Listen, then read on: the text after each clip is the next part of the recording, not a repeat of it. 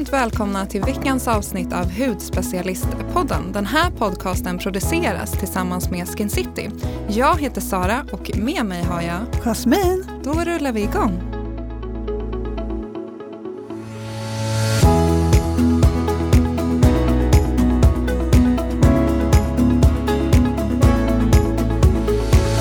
Jasmin, igår kväll så mottog jag en bild av dig. Av dig, från dig, av dig också. Ja, på mig. ja, berätta. Alltså, berätta. Vet du vad jag gjorde i helgen? Nej. Jag var i skogen Ja. och jag insöp skogens alla härliga bakterier. Nej, jag badade i lera. Inte helt och hållet. Jag, Var det lite skogsspa där? jag var lite, det var lite skogsspa, jag var lite skogsmulle. Jag, eh, alltså du var jag väldigt ner- söt. Ja, och lerig kan Ja. man säga. Eh, nej, men jag eh, fick för mig att jag skulle känna lite på jorden. Så att jag eh, tog lite jord, eh, jag hittade något litet hål, det var ganska torrt ute, men jag hittade någon liten lerpöl. Eh, och så grävde jag runt där och så upp med det i ansiktet och pilade runt och bara gned in det i ansiktet. Sen fick jag ju lite panik när jag kom på att men Eh, hur ska jag bli av med det här för nu hittar jag inget vatten. Eh, så att jag sprang runt lite grann och hittade en liten annan pöl med klart vatten. Så då fick jag vaska av med allting där. Perfekt. Eh, så att, ja, så att det var lite spännande. Det var friskt. Det var faktiskt ganska skönt med det svala vattnet. Eh, men man var lite, var, jag var tvungen att vara lite noga också för att det låg ju lite harlortar och lite högar från älgar i krokarna också. Så det vill man helst väldigt- hoppa över. Jag kanske. ville inte så gärna smeta in mig med dem. Men eh, det var lite udda. Ja, det här drar ju oss verkligen in på dagens ämne också. Man kan säga att du Precis. förbereder dig väl. Jag har förberett mig väldigt väl. För vi har ju en gäst idag eh, och det är Kristoffer Genberg som är General Manager på Sapienic. Man skulle kunna säga att du är en mikrobrebell. Varmt välkommen! Tack så jättemycket. Kul att ha dig här! Kul att vara här. Verkligen. Soliga Stockholm. Ja, Mm. så härligt! Eh, det är jätteroligt att du är här för du ska få berätta lite om det superspännande hudvårdsmärket Sapienic som faktiskt går stick i stäv med hudvårds, hudvårdsindustrin i stort skulle jag säga. Eh, så att jag skulle vilja att du bara börjar direkt från början. Berätta lite om Sapienic Acid och berätta om Sapienic. Ja, namnet Sapienic kommer, om man ska förklara detta på ett enkelt sätt så måste man gå ut på en liten resa tillsammans. Ska vi göra det? Ja. Vi tre? Let's go! Och det börjar för ungefär 1,9 miljoner år sedan där vi började utvecklas som människoart. Och under 1,9 miljoner år så bodde vi och levde som jägare samlare nere i Afrika och sedermera uppe i norra i delarna av världen. Och under de här 1,9 miljoner åren så utvecklades vår hud till någonting fantastiskt. Det vi alla älskar i det här rummet och du som lyssnar också, hoppas jag. Och det här huden gick ju då från att vara apa, schimpans, till att bli mänsklig. Och vi tappade då håret på och i huden, eller på huden. Och då behövde vi någonting för att klara oss utan hår. Vi behövde ha någonting som gjorde att vår hud klarade sig med den exponering för UV-ljus och salter från svettet och sånt som vi nu mötte. Och då skapades sebum, som vissa av er har hört talas om. Och sebumet är ju de ämnen som finns i och på vår hud för att vi ska klara oss utan hår. Och det mest aktiva ämnet i vårt sebum heter sapianic acid. Och det har fått sitt namn efter oss som människor.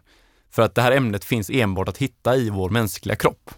Och därför har vi fått namnet sapianic. För att sapianic acid är tillägnat oss och vårt namn är då sapianic. Mm. Syftet med sapianic acid är att döda onda bakterier. Så att det är väldigt långa bakgrunden till vårt namn Sapianic. Ja, Mm. vad kul, spännande. Ja men verkligen. Du är ju en eh, huvudperson här men även en person som heter Trevor Stein. Kan inte du berätta varför han, han har så stor del i det här?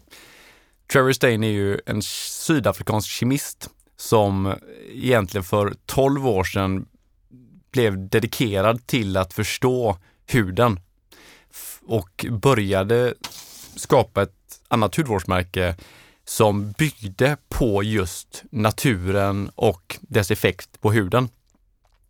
Och sen för cirka sju år sedan så började han reflektera över och studera hudens mikroflora.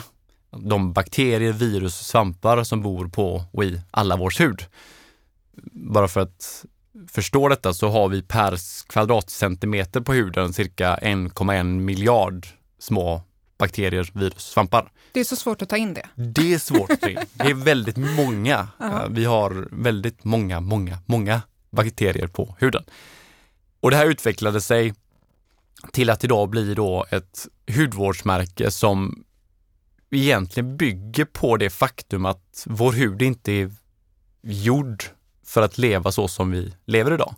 Den är gjord för att leva så som vi levde under de här 1,9 miljoner åren som jägare samlare. Och där står vi idag. Så han är en, han är nog, skulle jag säga, bäst i världen på hudens mikrobiom. Gud så coolt. Så då, då, det var alltså ur det här som det föddes och, eh, och skapar det här hudvårdsmärket som går helt mot strömmen. För det är ju väldigt mycket nytänk med produkterna och eh, filosofin. Ja, exakt. Och det är, vi är tillbaka till det att det vi gjorde när vi tog fram det här hudvårdsmärket, det var att vi istället för att följa de normerna som finns inom hudvården, det vill säga att man ska ha en hudvårdsrutin som består av en rengöring, ett ansiktsvatten, en ögonkräm, ett serum, en kräm, mask, peeling. Då tänkte vi, om vi bortser från det och så gör vi produkter som enbart är anpassade till hudens bästa. Vi bortser från alla normer, allting som tidigare funnits inom hudvården. Och så skapar vi någonting där. Vad kan vi då skapa? Och så tog vi då det här, om man ser på hudens evolution, alltså hur vår hud är byggd. För vår hud är inte byggd för att vara inne 90% av tiden som vi är idag. Vår hud är byggd för att ständigt möta mikrober från naturen. Och om vi inte möter dem idag, om vi inte är ute i skogen 90% av tiden som vi inte är idag, Som jag var i helgen. som du var i helgen, som är helt fantastiskt, så måste vi istället för att då ta oss själva till skogen och dess mikrober, så måste vi ta skogen och dess mikrober till människan. Och det är det vi gör. Så att jag är all eloge till att du var ute och smörjde jord i ansiktet. Men det var lite spännande. Det var lite udda. Jag var lite rädd för att eh, jag var ganska nära ett löparspår. Jag var lite orolig för att det skulle komma ett gäng motionärer. och bara, Vad gör hon? Vad gör hon? Det roliga var att jag satt och tog selfies i samma...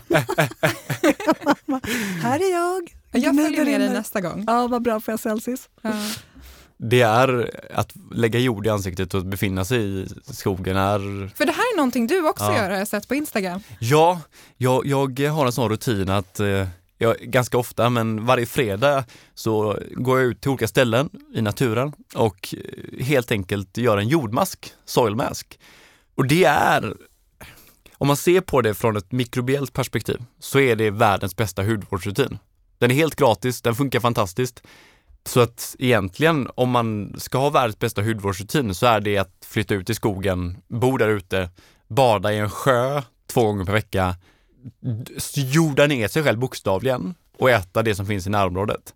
Om man gör det så behöver vi ingen hudvård. Men ganska många människor vill inte ta det steget. Och om vi inte vill flytta ut i skogen och leva så som vi är byggda, då måste vi ha ett alternativ. Och det är där vi kommer in. Ja, för det var lite det jag tänkte fråga också. För ni säger att ni har världens näst bästa hudvårdsrutin. Ja. Och då är den bästa att bo i skogen. Ja, ja, absolut. Hur länge ska en sån där lermask ligga på? Ja, det är lite olika. Generellt sett så kommer mikroberna anpassa sig till huden relativt snabbt. Jag brukar ha på den ungefär en minut, men man kan ha på den upp till, ja det finns ju ingen begränsning förutom att det kan bli lite obekvämt att ha på den. Alltså det fastnar timmar. ju lite barr och grejer. Exakt.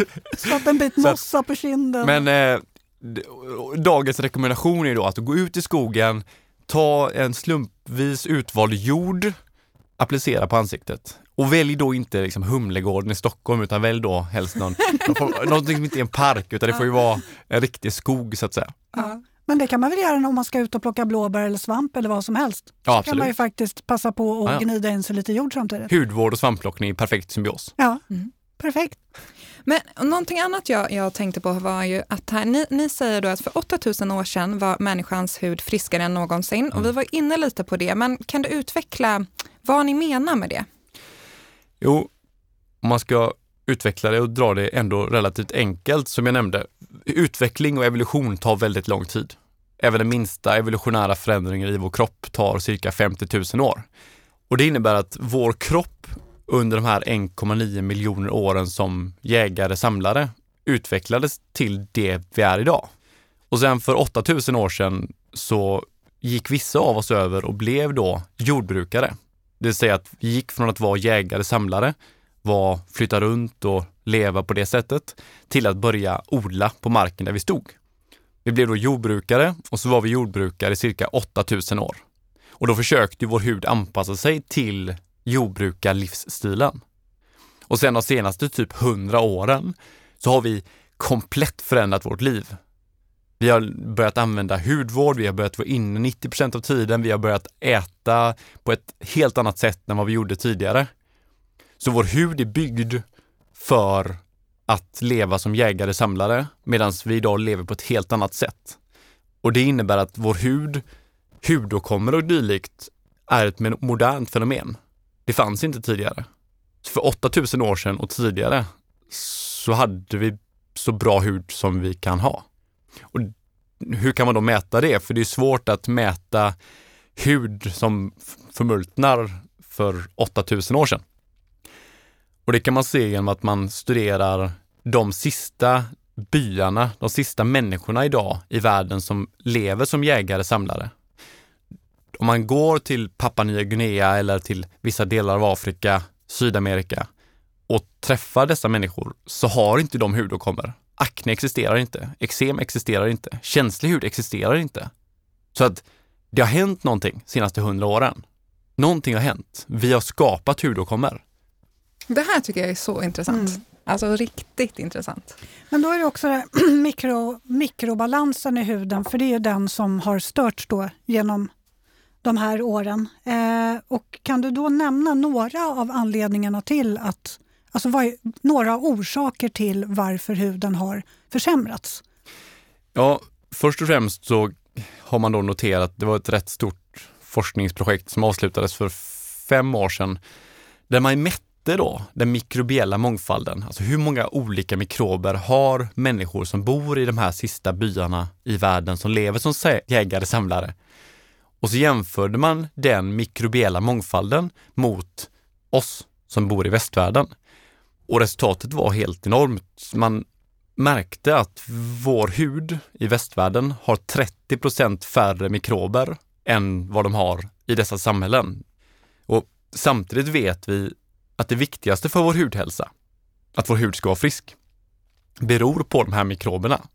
Så om vi vet att mikroberna har den viktigaste rollen för vår hud och samtidigt så har vi förlorat 30 procent av mikroberna så förklarar det väldigt mycket.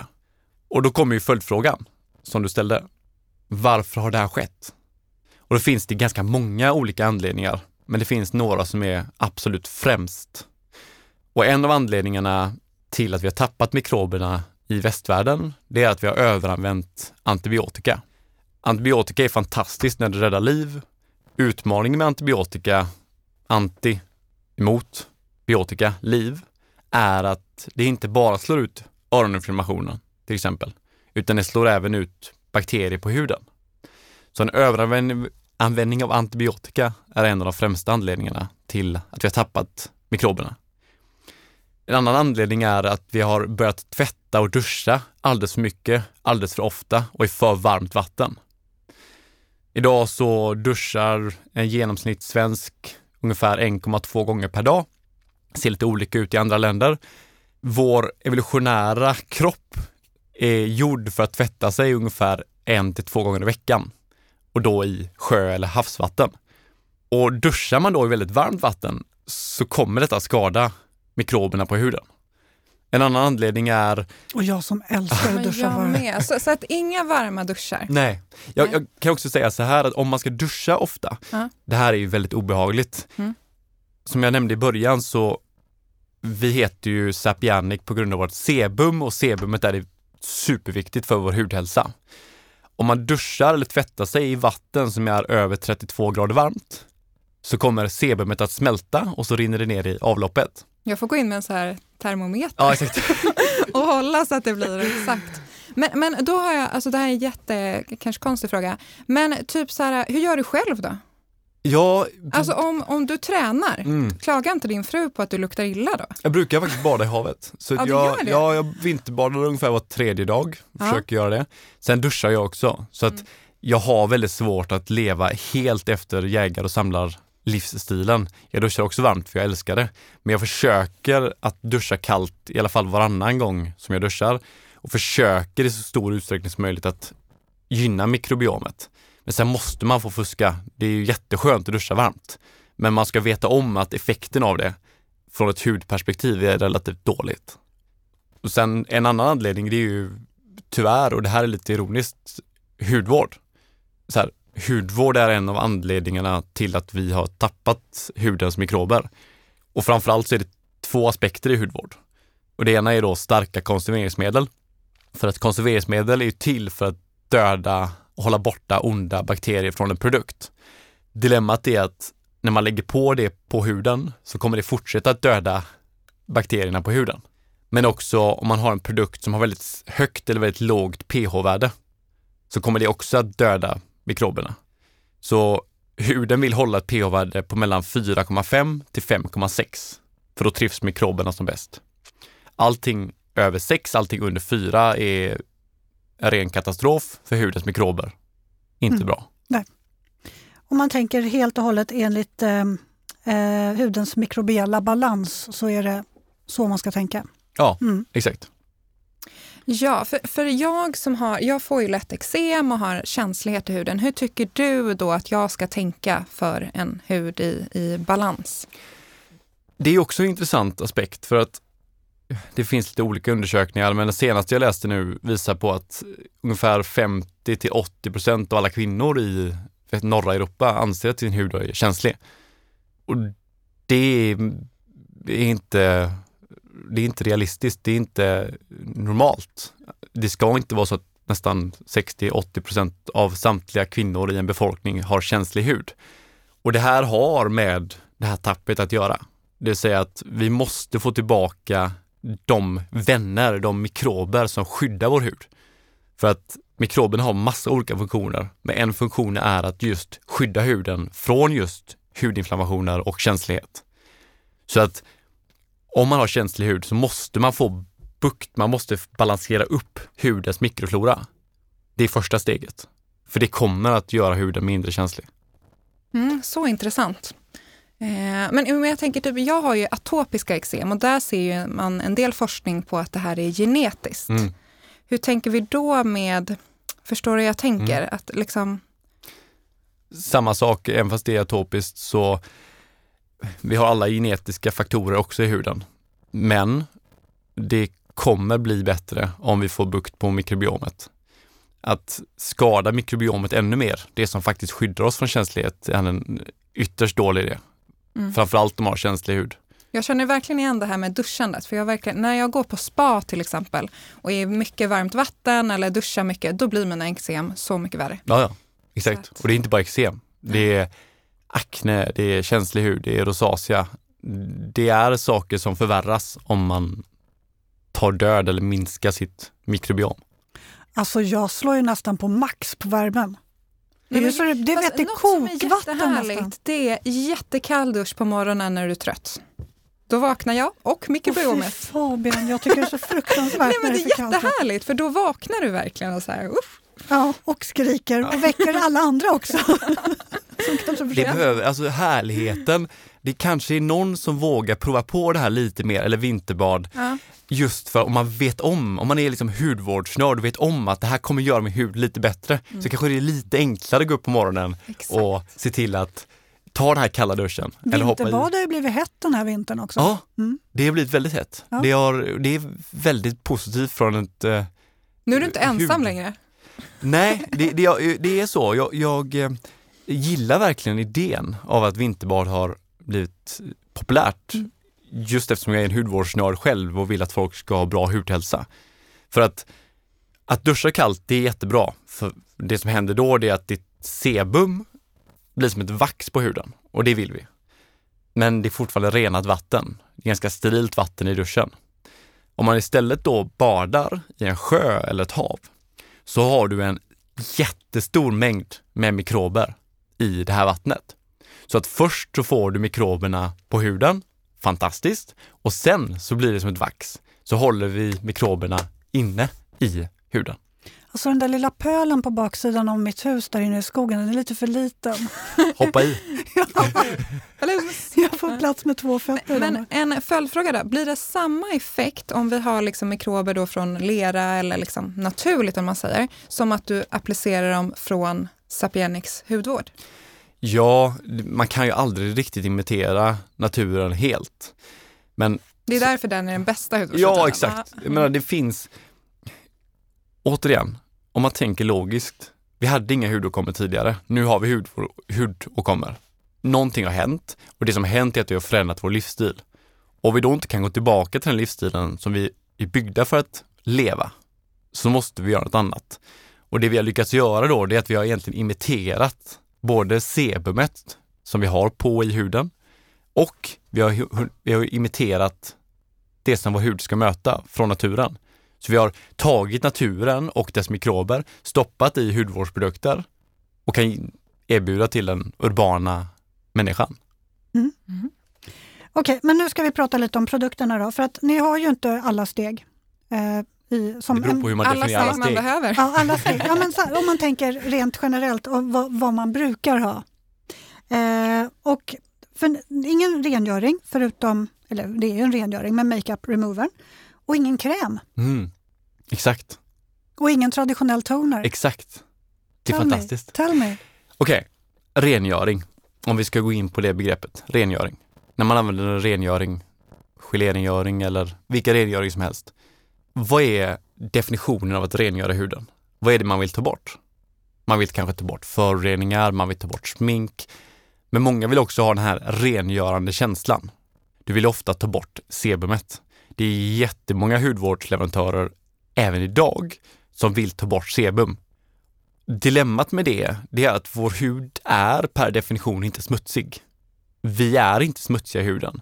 Om vi möter på väldigt mycket pollutions, föroreningar i luften, om vi make, applicerar makeup, då måste vi kunna ta bort det på något sätt. Men annars så ska man helst inte rengöra huden. För att upplevelsen att rengöra huden blir väldigt dåligt generellt. Så vi har tagit fram en produkt som tar bort makeup, som tar bort luftföroreningar, men som inte rengör huden i sig.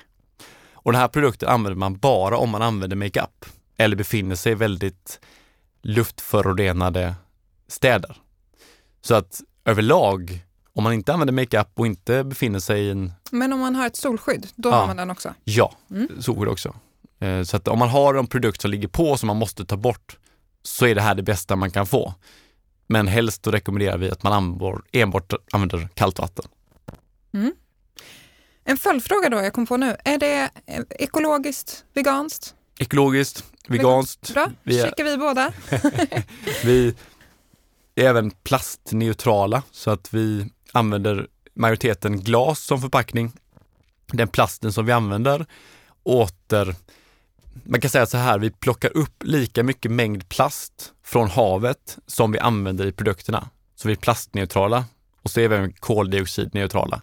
Så vi har ingen negativ impact alls för miljön, varken vid produktion eller vid transport. Mm. Men hur tänker ni kring solskydd? Alltså det är ju verkligen en produkt som är väldigt svår att ta fram, men ni har ju inget i sortimentet. Hur tänker du eller ni kring, kring det? Det är en väldigt bra fråga. Vi, om, man, om det är väldigt soligt ute så rekommenderar vi att man använder ett fysikaliskt solskydd. För att detta kommer ha så lite negativ impact som möjligt på just sebumet och hudens mikrobiom. Så ett fysikaliskt solskydd, typ zinkbaserat, det är det vi rekommenderar.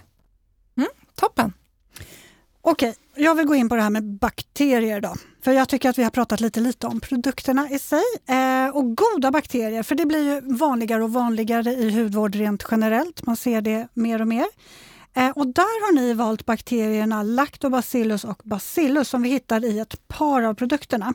Kan inte du berätta lite mer om Probiotic Mist och Probiotic Boost och vad de gör för huden? Ja, probiotika i hudvård har ju exploderat som en trend här senaste åren. Och det är jättepositivt. Det som är utmanande med probiotika i hudvård som ett som fenomen, det är att det finns väldigt lite regleringar idag kring vad man får kalla probiotika i hudvård. I hälsokost till exempel så finns det väldigt starka regleringar att du måste kalla, du måste ha x antal CFU, Colonizing Forming Units, per milliliter i ett hälsokost för att det ska få kallas probiotika i, i hälsokost. Medan i hudvård finns inte de regleringarna. Så att det finns en stor andel olika probiotika-arter och det finns ett stort antal olika sätt att göra probiotika i hudvård. Men vi har valt Bacillus och Lactobacillus för att vi anser att det är de som är absolut mest relevanta för att upprätthålla en bra mikrobiell mångfald. Till exempel så tre dagar innan förlossning så börjar mammans kropp att producera en stor andel med probiotika och det är just lactobacillus ner till den nedre regionen. Så oavsett vilken mikrobiell mångfald hon har där nere från början så kommer hennes kropp att producera jättemycket laktobaciller ner dit. Och sen när barnet forsas ut så kommer de här laktobacillerna bokstavligen att överrösas över barnet. Så mammans kropp vill evolutionärt att barnet ska få massor av laktobacillus på sig och på huden. Därför har vi valt den bakterien, för den har en väldigt positiv påverkan för hudens mikrober. Med det sagt, vad är det då som händer? Vad händer på i huden när vi gör detta? Och det vi kan mäta, det är bland annat att när vi lägger på lactobacillus och bacillus på huden så kommer hudcellerna att börja skapa mer hyaluronsyra och mjölksyra. Så att hudcellerna börjar bilda mer hyaluronsyra och mjölksyra som i sin tur ger en ökad fukthalt. Så istället för att vi måste lägga på hyaluronsyra i en produkt på huden så skapar vi fuktfabriker i hudcellerna. Nummer två, det är att hudcellerna har någonting som heter T-junctions, på svenska täta fogar.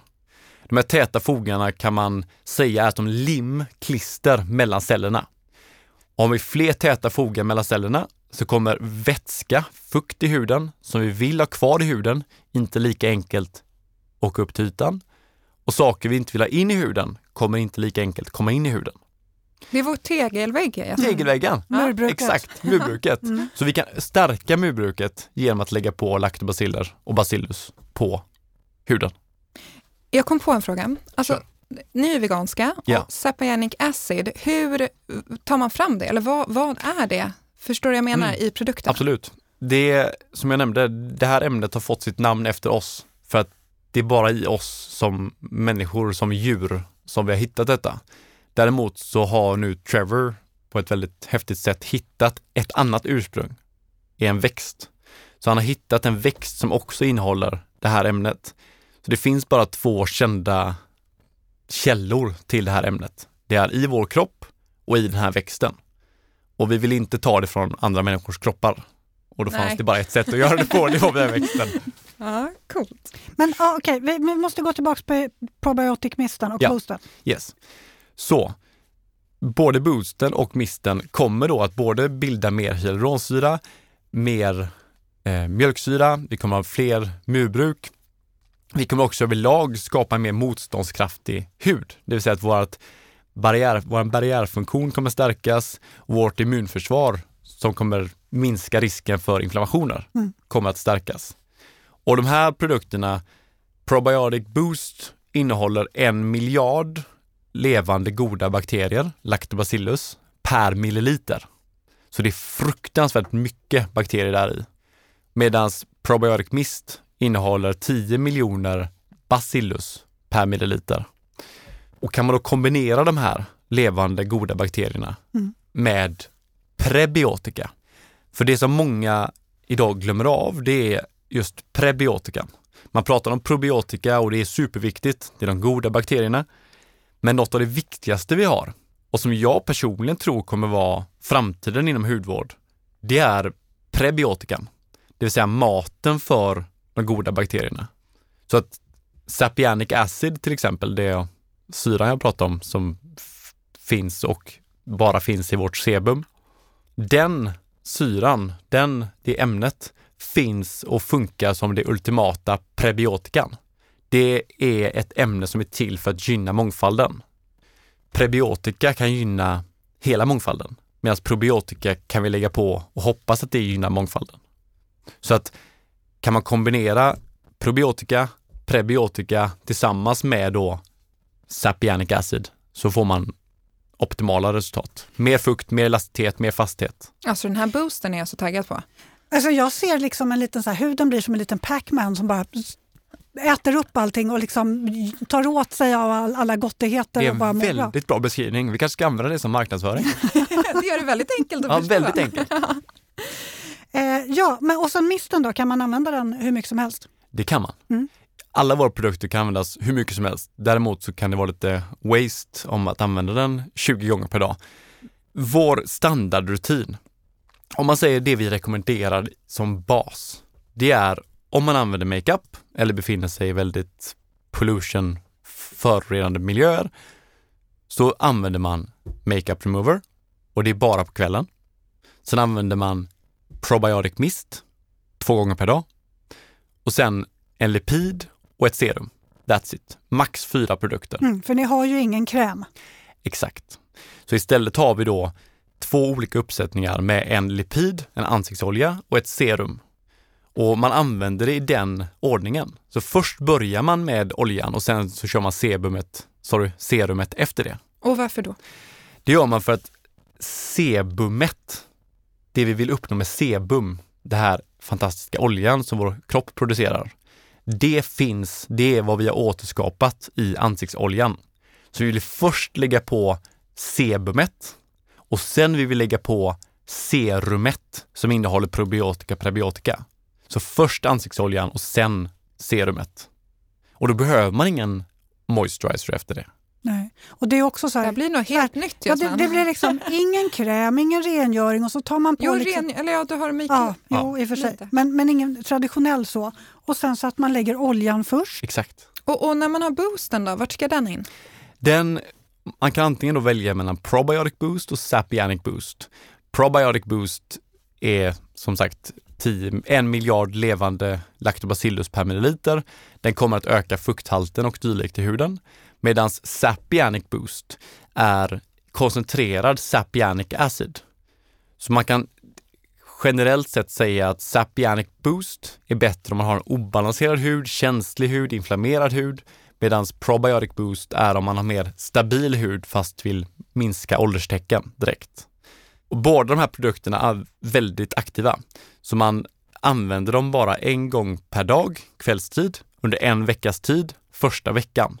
Och då använder man det som ett serum. Så man använder det innan ansiktsoljan. Så det blir boost, lipid, serum. Okej, Mm. I'm with you. Och sen när man väl har gjort det en vecka på kvällstid så gör man det bara, använder man dem bara typ efter behov eller kanske var åttonde vecka. Mm. Så att en gång per dag, en veckas tid och sen bara efter behov. Vad är det för hållbarhet på de här då? De håller vid öppnad förpackning så håller de mellan fyra till sex månader. Men det är också hur man förvarar dem. Man behöver inte förvara dem i kylskåp, men har man dem i ett vanligt, en vanlig toa eller badrum så kommer de hålla längre än så. Men våran officiella rekommendation är fyra till sex månader. Men det hinner man väl använda upp. Ja, Ja. Men, men sen finns det en liten, liten gullig flaska här, eller vad man ska säga, Ja. med lite pulver i, botten. Den tillhör ju då Probiotic Mist. Så att Probiotic Mist kommer i två olika delar. Den ena delen är en större pumpsprayflaska och det andra är en liten, liten flaska. Och innan första appliceringen så tar man pulvret i den lilla flaskan, applicerar det i den stora flaskan, skakar i 20 sekunder och sen sprayar man. Och det här pulvret som finns i den lilla flaskan, det är bacillusbakterierna. Så de lever i den här lilla söta flaskan. Och, och eh, man, måste man eh, skaka innan varje gång man applicerar? Nej, utan det är bara första gången. Jag tänkte också höra, hur ser du på kopplingen, jag tycker det här är jätteintressant med kost, men kopplingen huden till vad vi äter och kosten? Det är jätteviktigt. Det är det verkligen. Äter man på McDonalds varje dag så kommer ingen hudvård i världen att hjälpa dig med din bra hud. Så att det är väldigt viktigt. Det är en kombination av hur man utsätts i sin hud rent externt, alltså utåt sett, men även inifrån.